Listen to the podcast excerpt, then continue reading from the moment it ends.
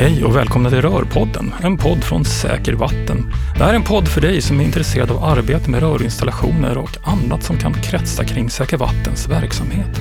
Det kan handla om rör, installationsarbete, branschreglerna och det kan ju kanske hända att vi svävar iväg någonstans också. Vi svarar i den här podden också på en del teknikfrågor som ni lyssnare har skickat in till oss.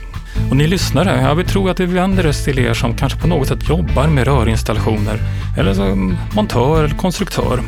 Det kan också vara så att du har ett annat intresse i branschen som byggare, arkitekt eller försäkringstjänsteman. Vem du än är så är du välkommen att lyssna på oss.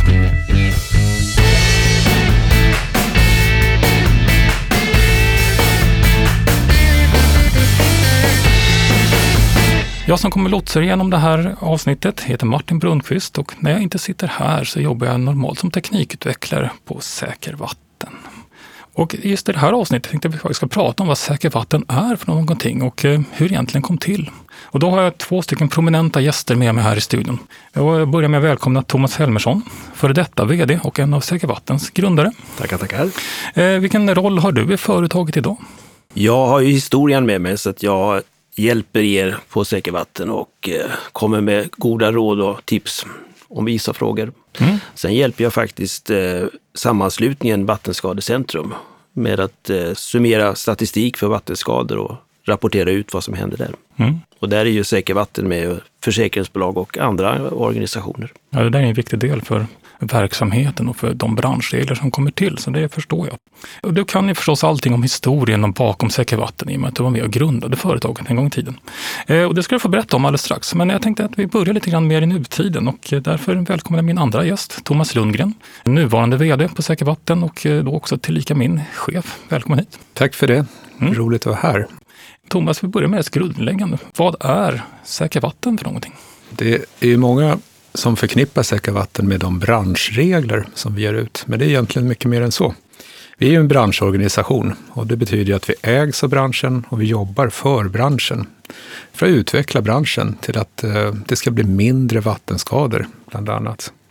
Vi kan ju säga att Säkra Vatten är ett kvalitetssystem på så sätt att vi eh, tar fram våra branschregler tillsammans med branschen och det bygger ju då på eh, vedertagna lösningar, och konstruktioner och det betyder att det är konstruktioner som används i stor omfattning under lång tid och utan problem. De skriver vi ner i form av regler. Och då kan man ju som ett auktoriserat företag ansluta till de här reglerna och eh, lova att man eh, dyrt och heligt ska utföra sina jobb enligt reglerna.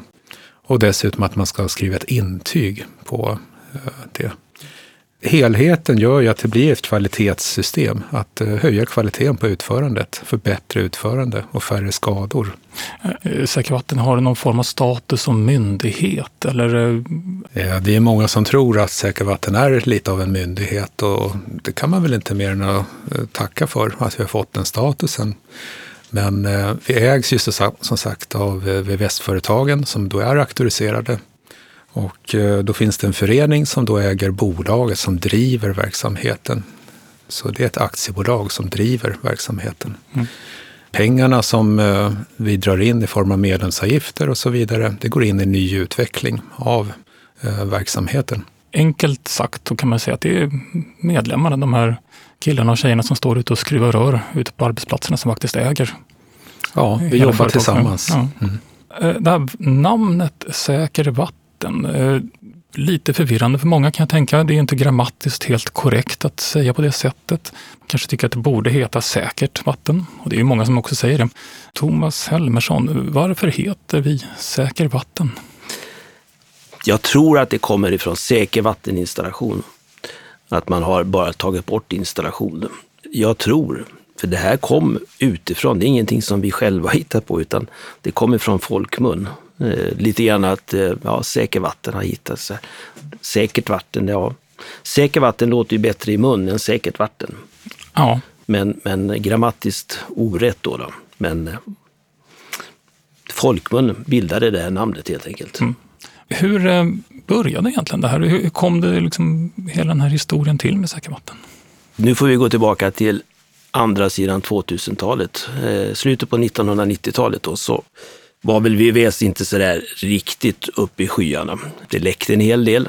Man tyckte att man hade dåligt utförande och eh, det var inte för säkert att det var VVS som hade gjort fel, utan var det vatten som läckte så fick vi lite skulden för det där också. Men eh, vi hade lite låg status som vi tyckte vi borde göra någonting åt. Det hände en hel del förändringar också. Vi fick en ny bygglag, fick nya byggregler. Vi gick med i EU mitten av 90-talet och eh, det förändrade en hel del av eh, de importvägar vi hade haft på material. Det kom in mycket nytt material och det blev mycket vattenskador också, det är helt klart. Men vi tyckte att vi behövde göra någonting för att höja branschens, och inte bara branschen, utan både företagen och montörernas status helt enkelt. Och ett sätt som att göra det, det var att vi skulle beskriva, så här vill vi göra ett eh, jobb på rätt sätt. Utifrån de byggregler som finns så la vi på lite vårat kunskap hur ska vi göra för och vad ska vi kravställa för, på byggaren för att vi ska få det rätt? Så då fick vi fram våra branschregler. Kvalitetssystem för hållbara BVS-installationer. Det med hållbarheten, det, det, känns lite grann som ett modeord. Eh, är det någonting som vi liksom har med oss i eh, verksamheten idag? Vi jobbar ju för att skapa hållbarhet när det gäller den sociala hållbarheten, även den ekonomiska och den ekologiska. I grund och botten så handlar det om att vi, vi ska ha villkor på våra auktoriserade företag som eh, bidrar till ett schysst verkande där ute. Och att man gör rätt från början. För blir det fel i det man gör och man måste bygga om, då blir det ohållbart. Det blir onödigt dyrt, det blir resurslöseri och så vidare. Så hela det här arbetssättet, det, det gynnar ju hållbarhet, helt klart. Hur togs de här reglerna emot då, liksom att bildandet av föreningen och eh, företaget Säkra Vatten, Thomas? Ska vi vara ärliga så ska vi säga att vi hade ganska, eller det tog lång tid att skriva reglerna. Det var ingenting som gjordes på en kvart, utan vi höll ju på i tre, fyra år för att ta fram det här. Och eh, under den tiden så hade vi otroligt mycket diskussioner och eh, möten med framförallt våra egna, både montörer och företagen på VVS-sidan med tillverkare, försäkringsbolag, myndigheter. Och eh, då fick vi fram regler som gjorde att vi fick, ja, det var från folket kan man säga. De var, det var en skär, ren och skär erfarenhet som vi beskrev, så här ska man göra på rätt sätt. Och hela den här resan var ju att vi fick en förankring ute bland våra VVS-företag att det är någonting på gång. Det kommer. Så 2005 när det kom, då var det ganska väl inarbetat och eh, mottogs väldigt varmt direkt vid start faktiskt. Mm. Eh, var det många som så att säga, hakade på det här eller var det svårt att få en spridning i det på en större bredd? Nej, ganska omgående så tror jag att vi hade med oss tre, 350 företag. Mm. Och, och jämför då, då så i Säker Vatten är det, ja, är det 2100 företag. Stämmer. Så att det var ganska många som var med redan från start mm. och tog det att ta fram de här branschreglerna. Det är så att, det, att vi tog fram de här och det tog en lång tid. Det tog kanske tre år. Men vilka då var vi i det sammanhanget? Vi var ju några som jobbade på branschorganisationen eh, som hette på den tiden VVS-företagen och eh, jag jobbade på ett föret eller en annan branschorganisation som heter Auktorisation, R-auktorisation. Mm. Vi var Roffe Kling, det var jag, Gustav Andersson och några till som satt och, och, skrev. Men vi hittade ju inte på allt vi skrev, utan det förankrade vi. Det förhörde vi oss med omgivningen. Så vi hade ju representanter från försäkringsbolag, ifrån våra egna eh, VVS-företag naturligtvis och eh, myndigheter. Tillverkarna var väldigt mycket med också och eh, kom med bra synpunkter så att vi fick format ett regelpaket som då blev grunden till branschreglerna. Mm. Tycker att den här grunden, Thomas har liksom bäddat för liksom ett framgångskoncept framöver. Absolut. Vad vi gör på Säker Vatten är att vi bryter ju ner de här tvingande kraven som kommer från myndighetshåll, eh, som man bara måste förhålla sig till. Men eh, de här tvingande kraven kan ju ofta vara komplexa och svåra att förstå i praktiken. Hur ska jag skruva mitt rör för att faktiskt uppfylla det som kravställs? Vi förtydligar ju det här i detaljerade anvisningar hur utförandet ska gå till. Jag kan nämna en parallell. Innan jag började på Säkra vatten så var jag delaktig i ett projekt som tog fram den här Säker vattenväggen, kallas den lite i folkmun. Och eh, jag var riktigt imponerad faktiskt av det arbetet, där man enade branschen i, i stora konferensrum och hade livliga diskussioner. Och det var ju byggare, det, det, var ju försäkringsbolag och myndigheter och så vidare som var delaktiga i att ta fram lösningen.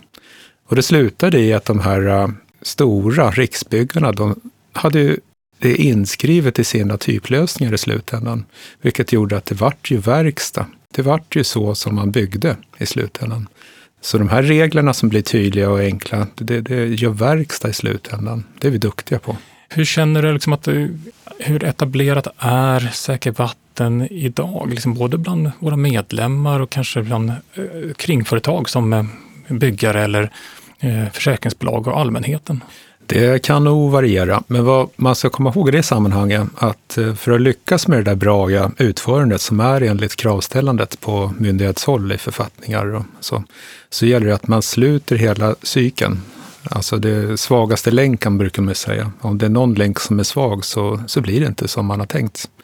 Så vi jobbar ju aktivt hela tiden med att eh, ha kontakt med Boverket, att eh, eh, påverka eh, reglerna som skrivs, att se till att vi är med på banan vad som händer och sker. Vi gör skrifter som vi riktar då till olika parter där ute. Allt ifrån beställare byggherrar. Vi har ju någonting som vi kallar byggtekniska i folkmun, där vi då går in på riktlinjer vad vi som VVS-företag behöver ha för förutsättningar för att lyckas i vårt arbete. Den riktar vi mot föreskrivande led eh, delvis eh, och byggbolagen som ska göra sin del i, bygget. Mm. Och vidare då, så när vi gör utförandet så bevakar vi det eh, i intygsskrivande och lämnar över till kunden. Mm. Och det gör ju att vi får försäkringsbara lösningar som försäkringsbolagen backar upp om det trots allt går snett. Så vi försöker se det här helhetsperspektivet, det tycker jag är jätteviktigt. Eh, det kanske är så att vi kommer på nya områden. Som, vad är det idag som omfattas av branschreglerna? Tittar vi vilka typer av ledningssystem som ingår så är det ju framförallt tappvattensystemet. Det är det som har orsakat mest problem. Det är tryck på det, riktigt bra tryck. Men vi har ju också med avlopp, spillvattensystemet och eh, vi har också med lite värmesystem i det hela. Och eh, det är ju framförallt då för att minska vattenskador, eller minska risken med vattenskador ska vi säga. Och minska risken för legionellatillväxt, eh, risken för brännskador och även förgiftning i form av återströmning i systemen. Mm. Vad är det som inte ingår i systemen? Exempelvis så kanske vi borde bli bättre på radiatorer och, och de kretsarna. Det där, där har vi inte helt full täckning. Vad vi ska skriva branschregler om, lutar vi mycket på vad myndigheter säger. Det görs utredningar om vad skador sker och vad det kostar och så vidare. Vad är det som behöver regleras? Vi har Vattenskadecentrum som årligen ger ut sin rapport som visar då i diagram och staplar var det liksom blöder, var är problemen är. Och det blir ju lite en eh, riktningsvisare vart vi ska reglera, vilka regler vi behöver för att eh, skapa ett bättre byggande helt enkelt. Mm. Det finns ju många andra system som har vatten i sig. Jag tänker på kylsystem där vi har väldigt mycket vatten. Vi har sprinklersystem som har också mycket vatten i sig. Eh, där är också funderingar på om det ska ingå i, i branschreglerna. Så att, eh, det är ett samspel med branschen, mm. vad man önskar. Det kan bli nya beteenden, att man kommer på att man ska ha kaffeautomater i korridorerna och så vidare. Det har vi ju styrt upp mot eh, att lösa.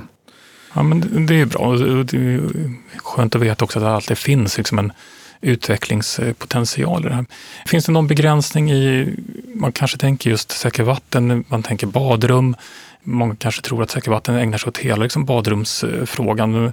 Men vad i badrummet är det och vad liksom lämnar vi över till andra? Ja, ska vi säga så här, jag tycker inte vi ska lämna över någonting. Vi ska samspela där ute för, det ska vi absolut göra. för att få det på bra sätt. Utan, eh, rörkillen han gör ju sitt, helt klart. Men han måste göra det i samhörighet och nära samarbete med kakelkille som gör tätskikt, byggaren som gör det ena och det andra också. Mm. Eh, Säker vatten täcker ju hela huset. Det täcker ju byggnaden eh, och det ingår ju alltid från rörstråket till källan till, till badrummet uppe på toppen. Eh, för VVS är vi nog ganska heltäckande, i varje fall om vi tittar på en traditionell eh, boendemiljö. Och eh, det har vi faktiskt gjort ett ganska viktigt drag eh, med de nya branschreglerna som kom här vid nyåret. Att vi har ju stämt av vårt kravställande med de andra entreprenörerna som är i det här lilla våtutrymmet. Det är ju bland det mest komplexa man kan göra, ett våtutrymme. Det är många olika lösningar, många olika aktörer och det gäller att få det där att lira. Nu har vi ju kravställande med våra branschregler som faktiskt lirar mot eh, BKR, mot GVK och MVK som är målarna. Då, då. Så att det ska vara lätt att göra rätt helt enkelt. Ja, men det är underbart, det är lite samarbete. Och då kommer vi in på en eh, punkt här som är om man eh, lyssnar ute i branschen, eh, det, de som är ute på golvet, de som renoverar badrum, om vi läser på olika forum på internet så hittar man just de olika påståenden och myter om eh, säker vatten. Och jag tänkte att vi skulle titta på några av de här och se ifall vi kan bekräfta eller dementera. Och den första som jag tänkte på det var just den här att det finns ett, en allmän uppfattning om att eh, Säker vatten, GVK, BKR och MVK inte samarbetar med varandra. Men nu var du inne lite grann på det Thomas. Vi kanske ska bara reda ut lite snabbt och enkelt. Eh, vilka är BKR, GVK och MVK? BKR är ju Byggkeramikrådet. Mm. Det är de som ger ut branschregler för, för tätskikt, framför allt för eh, vätsketätskikt och eh, folietätskikt. Mm. Eh, GVK, eh, golvbranschens våtrumskontroll. Det är väl egentligen ursprunget ifrån plastmattan, men idag så har de också foliesystem och eh, de har också eh, vätskebaserade tätskiktssystem hos sig. Mm. Och sen har vi slutligen MVK då, som är eh, måleribranschens våtrumskontroll, där vi har målade ytor, vi har eh, glasfiberförsedda ytor som också då är målade till slut. Också form av tätskikt. Thomas var inne på att vi har ett bra samarbete med de här eh, organisationerna idag. Vi har ju samordnat eh, de senaste branschreglerna från alla fyra organisationerna. Så att de punkter som skär över varandra, där har vi samma krav och regler. Hur var det då när ni började? Liksom, de här organisationerna är ju lite äldre än Säkra Vatten. Fanns det då ett bra samarbete eller har det växt fram med tiden? Det fanns ett bra samarbete, men samarbetet måste jag säga, när jag tittar i backspegeln, har blivit bra mycket bättre idag mm. än vad det var inledningsvis man kan ju lägga upp branschreglerna och se att det är samstämmighet till 100 procent på de här. Mm. Eh, sen är vi alltid att vi har olika intressen. Eh, Säker vatten tittar ju kanske då mer på rör och de andra tittar mer på sina tätskikt och eh, plastmattat kakelsystem. Så det finns ju skiljaktigheter i våra tänkesätt överhuvudtaget. Mm. Så det kanske finns en liten fog för att det här ryktet ändå har uppstått historiskt sett, även om vi idag känner att vi faktiskt har blivit bättre? Jag tror att Säker Vatten har bra och haft bra eh, hela tiden med samarbetet. Det kan ha varit att eh, det har varit lite si och så mellan GVK och Byggkemikrådet någon gång bakåt i tiden. Men det har ju också blivit bra mycket bättre idag. Så. Ett annat sånt rykte som vi ibland får höra är att eh, Säker Vatten är något som vi startat bara för att vi ska tjäna pengar. Hur är det Thomas Lundgren? Eh, vi i personalen, kör vi dyra sportbilar och åker på lyxsemestrar året runt? Självklart inte. Vi är jättenoga med att vi, den lön som vi får, den betalar våra medlemmar. Sen har vi ju självklart omkostnader. För att driva den här verksamheten så krävs det ju pengar. Vi behöver pengar för att eh, hantera administrationen kring medlemshanteringen. Eh, vi behöver pengar för att skapa utbildningar, för att utbilda våra företag. Vi behöver pengar för att kommunicera, att eh, göra oss kända där ute bland de som beställer eh, entreprenader. Vi ska verka för våra VVS-företag och se till att våra VVS-företag faktiskt blir lönsamma. Det är vårt jobb. Bra. Ett annat sånt rykte som eh, vi hör ibland är att eh, vi som är personalen bara är kontorsfolk och att det inte jobbar några som helst rörmokare på själva företaget Säker Vatten. Eh, stämmer det här? Ja, vi jobbar ju inte som rörmokare idag, men det finns absolut kunskap och erfarenhet från att vara rörmokare. Vi har också människor då med erfarenhet från både VVS, kyla, även bygg. Så vi har en väldigt bra mix i personalen med, med den eh, branschkunskapen. Men framför allt så har vi ett väldigt bra nätverk med folk där ute som jobbar yrkesmässigt i vardagen varje dag. Och det kan ju vara i form av vår eh, referensgrupp. Det kan ju vara branschorganisationer eh, i övrigt eller i projekt som vi driver, utvecklingsprojekt, så samlar vi ju branschen i olika frågor. Så det handlar ju till mycket att koordinera olika frågeställningar och det gör vi på ett väldigt bra sätt. Ja, men det där låter väl betryggande. Eh, ett annat sånt rykte som vi har hört ibland är att eh, Säker Vatten går försäkringsbranschens ärenden. Eh, stämmer det? Jag tror försäkringsbranschen har väl olika villkor i sig också, i sina försäkringsvillkor, så det kan ju variera. Och i slutändan så vill vi ha lösningar som är försäkringsbara. Men jag tror man ska börja lite i andra änden.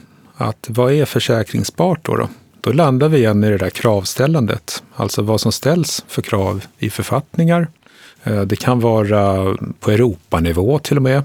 Och det här måste vi bryta ner till eh, lösningar som funkar i praktiken, som är bra.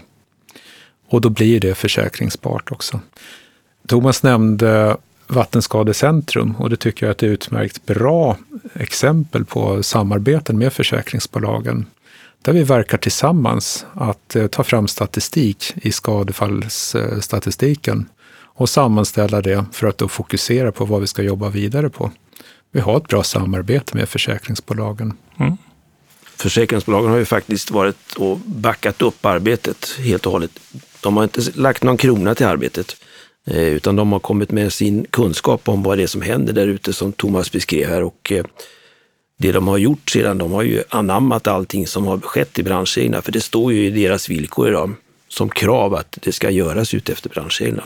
Vi har också en del eh, samarbeten när det gäller utveckling som då drivs i olika fonder där ute, där vi är delaktiga för att då skapa bra lösningar och skapa bra kravställande som vi kan enas om med försäkringsbolagen. Försäkringsbolagen är en jätteviktig spelare där ute. Om det går snett så vill man ju ersättning helst och då vill man att det ska vara gjort på ett bra sätt som är försäkringsbart. Om försäkringsbolagen ställer ett krav eller har ett önskemål om krav, eh, sväljer vi det rakt av eller hur beter vi oss då? Nej, inte rakt av förstås. Det, det, och det är väl lite det jag försökte belysa med att vi måste se från andra sidan också. Det måste ju vara ett bra utförande som kommer alltså från eh, myndighetshåll egentligen från början. Och i byggbranschen så har man olika intressenter. Ofta handlar det om pengar, vem som ska betala. Men vi försöker fokusera på bra lösningar helt enkelt. Och lyckas vi med det, att ta fram bra lösningar, då ger det sig andra. Då blir det rättvist eh, ekonomiskt också. Bra. Jag tycker nu att vi verkar ha fått en ganska bra inblick i vad säkervatten är, eh, vad vi står för, eh, historien, hur det har tillkommit. Så att jag tackar er för en liten stund så ska vi gå vidare över till en annan programpunkt. Ja, det här är en punkt i programmet som vi kallar för brevlådan. Och det är så, vi får in väldigt mycket frågor in till Säker Vatten. Mycket teknikfrågor. Och jag tänkte försöka lyfta några här i podden och se och ge svar så att alla får egentligen samma svar och samma kunskap om det här. Om du har en fråga så mejla den gärna till oss på info sakervatten.se. Vi svarar naturligtvis på alla frågor, men är det så att du särskilt vill att vi tar upp den i podden så skriv gärna det. Första frågan den kommer från Jonas. Min kund vill installera en tvättmaskin i en klädkammare som saknar golvbrunn. Hur kan jag lösa det? Ja, Jonas, eh, det är ju så att eh, grundkravet för att installera en tvättmaskin är att den ska sitta i ett utrymme med golvbrunn. Det finns ett undantag för det här. Det är när man placerar tvättmaskinen i ett kök. Då finns det ett undantag just om att man ska kunna få en tillgänglighetsanpassning, framför allt i lägenheter som har små badrum. Då kan man placera den i kök genom att sätta den på ett vattentätt underlag, ha en fuktsensor och en läckagebrytare som bryter vattnet. Eh, då klarar man sig från kravet på golvbrunn. Men i alla övriga utrymmen som inte är kök, då krävs alltså en golvbrunn. Så i den här klädkammaren, så för att kunna placera i tvättmaskinen, så måste vi få till en golvbrunn. Antingen att gjuta ner den i golvet eller att på något sätt bygga upp golvet och få en golvbrunnslösning på det sättet. Nästa fråga den kommer från Stefan. Kan jag göra en rörgenomföring i våtzon 1? Och det här med våtzonerna i våra badrum, de är lite grann röriga. Det finns ju två stycken våtzoner, våtzon 1 och våtzon 2. Sen har vi också det som vi kallar för plats för bad eller dusch. Och i de senaste branschreglerna eh, från 2021, då är det egentligen bara plats för bad eller dusch som vi på Säker Vatten ställer krav. Våtzon 1 och Våtzon 2 det tillhör våra tätskiktsorganisationer där de eh, har olika krav på tätskiktets beskaffenhet i de här olika zonerna. Så att det krav som gäller för rörgenomföring är att de får inte förekomma i plats för bad eller dusch. Men så fort man hamnar utanför det, då är det helt okej. Okay. Så att eh, i våtzon 1 går bra så länge det inte är i plats för bad eller dusch. Och så har vi en fråga från Anna. Hej Rörpodden! Jag ska anlita en firma för att göra om min gästtoalett. Där kommer finnas handfat och WC-stol. Idag kommer det upp rör genom golvet. Kan de rören vara kvar eller behöver de göras om? Ja, Anna, det är ju så att eh, kraven att man inte får komma upp med rör genom golvet gäller bara för bad och duschrum och tvättstuga, det som vi brukar sammanfatta som våtrum. I ett WC-rum där det bara har tvättställ och WC-stol, där är det tillåtet att komma upp med rör genom golvet. I de senaste branschreglerna från 2021 så finns det dessutom tillagt och förtydligat vilka mått som gäller. Så att för normalt ett centrumavstånd på rören på 60 mm. För större rör så kanske det här 60 mm måttet behövs mellan rören istället. Och vi ska ha 60 mm mellan rör och vägg. Om de måtten uppfylls, då är det helt okej okay att komma upp med rören genom golvet. Så, det var tre stycken små frågor som jag fått. Eh, Thomas Lundgren och Thomas Helmersson. Jag tänkte vi ska börja avsluta det här avsnittet. Är det någonting som ni känner att ni vill tillägga innan vi låter slutvinjetten gå igång? Jag kan säga att det är jättekul att vi kör den här podden eh, och eh, jag tror och hoppas att det är någonting som kan komma till nytta och glädje. Jag tror att det är någonting man kan lyssna i på när man faktiskt har båda händerna upptagna och sätta på sig lurar. Så att vi blir ett lite trevligt sällskap, hoppas jag. Ja. Jag tycker det var kul med lite nytt. Podden är ju nytt för våran del och jag tycker det har varit ett trevligt sätt att prata på ett ledigt sätt om, om vad Säker Vatten har varit och vad Säker Vatten är. Jag tror, hoppas att podden blir lika hållbar som det kvalitetssystem Säker Vatten är. får vi hoppas. Och om ni som lyssnar har tyckt att det har varit trevligt att lyssna på så får ni gärna sprida ordet där ute till andra som kan vara intresserade. Har ni inspel, eh, ris och ros eller lite allmänna kommentarer så kontakta oss gärna. Skicka ett mejl på info.sakervatten.se och skriv gärna Rörpodden i ämnesraden. Då tackar vi för oss eh, härifrån studion. Det är jag Martin Brunnqvist. Jag har haft mina gäster Thomas Lundgren och Thomas Helmersson. Och glöm inte att hålla utkik efter fler avsnitt av Rörpodden. Eh, vi finns där poddar finns. Och vi kan också tipsa om eh, två andra poddar. Eh, Installatörspodden från Installatörsföretagen och varför inte Kakelpodden från våra vänner på Byggkeramikrådet. Och kom ihåg, rör det rör, då rör det oss.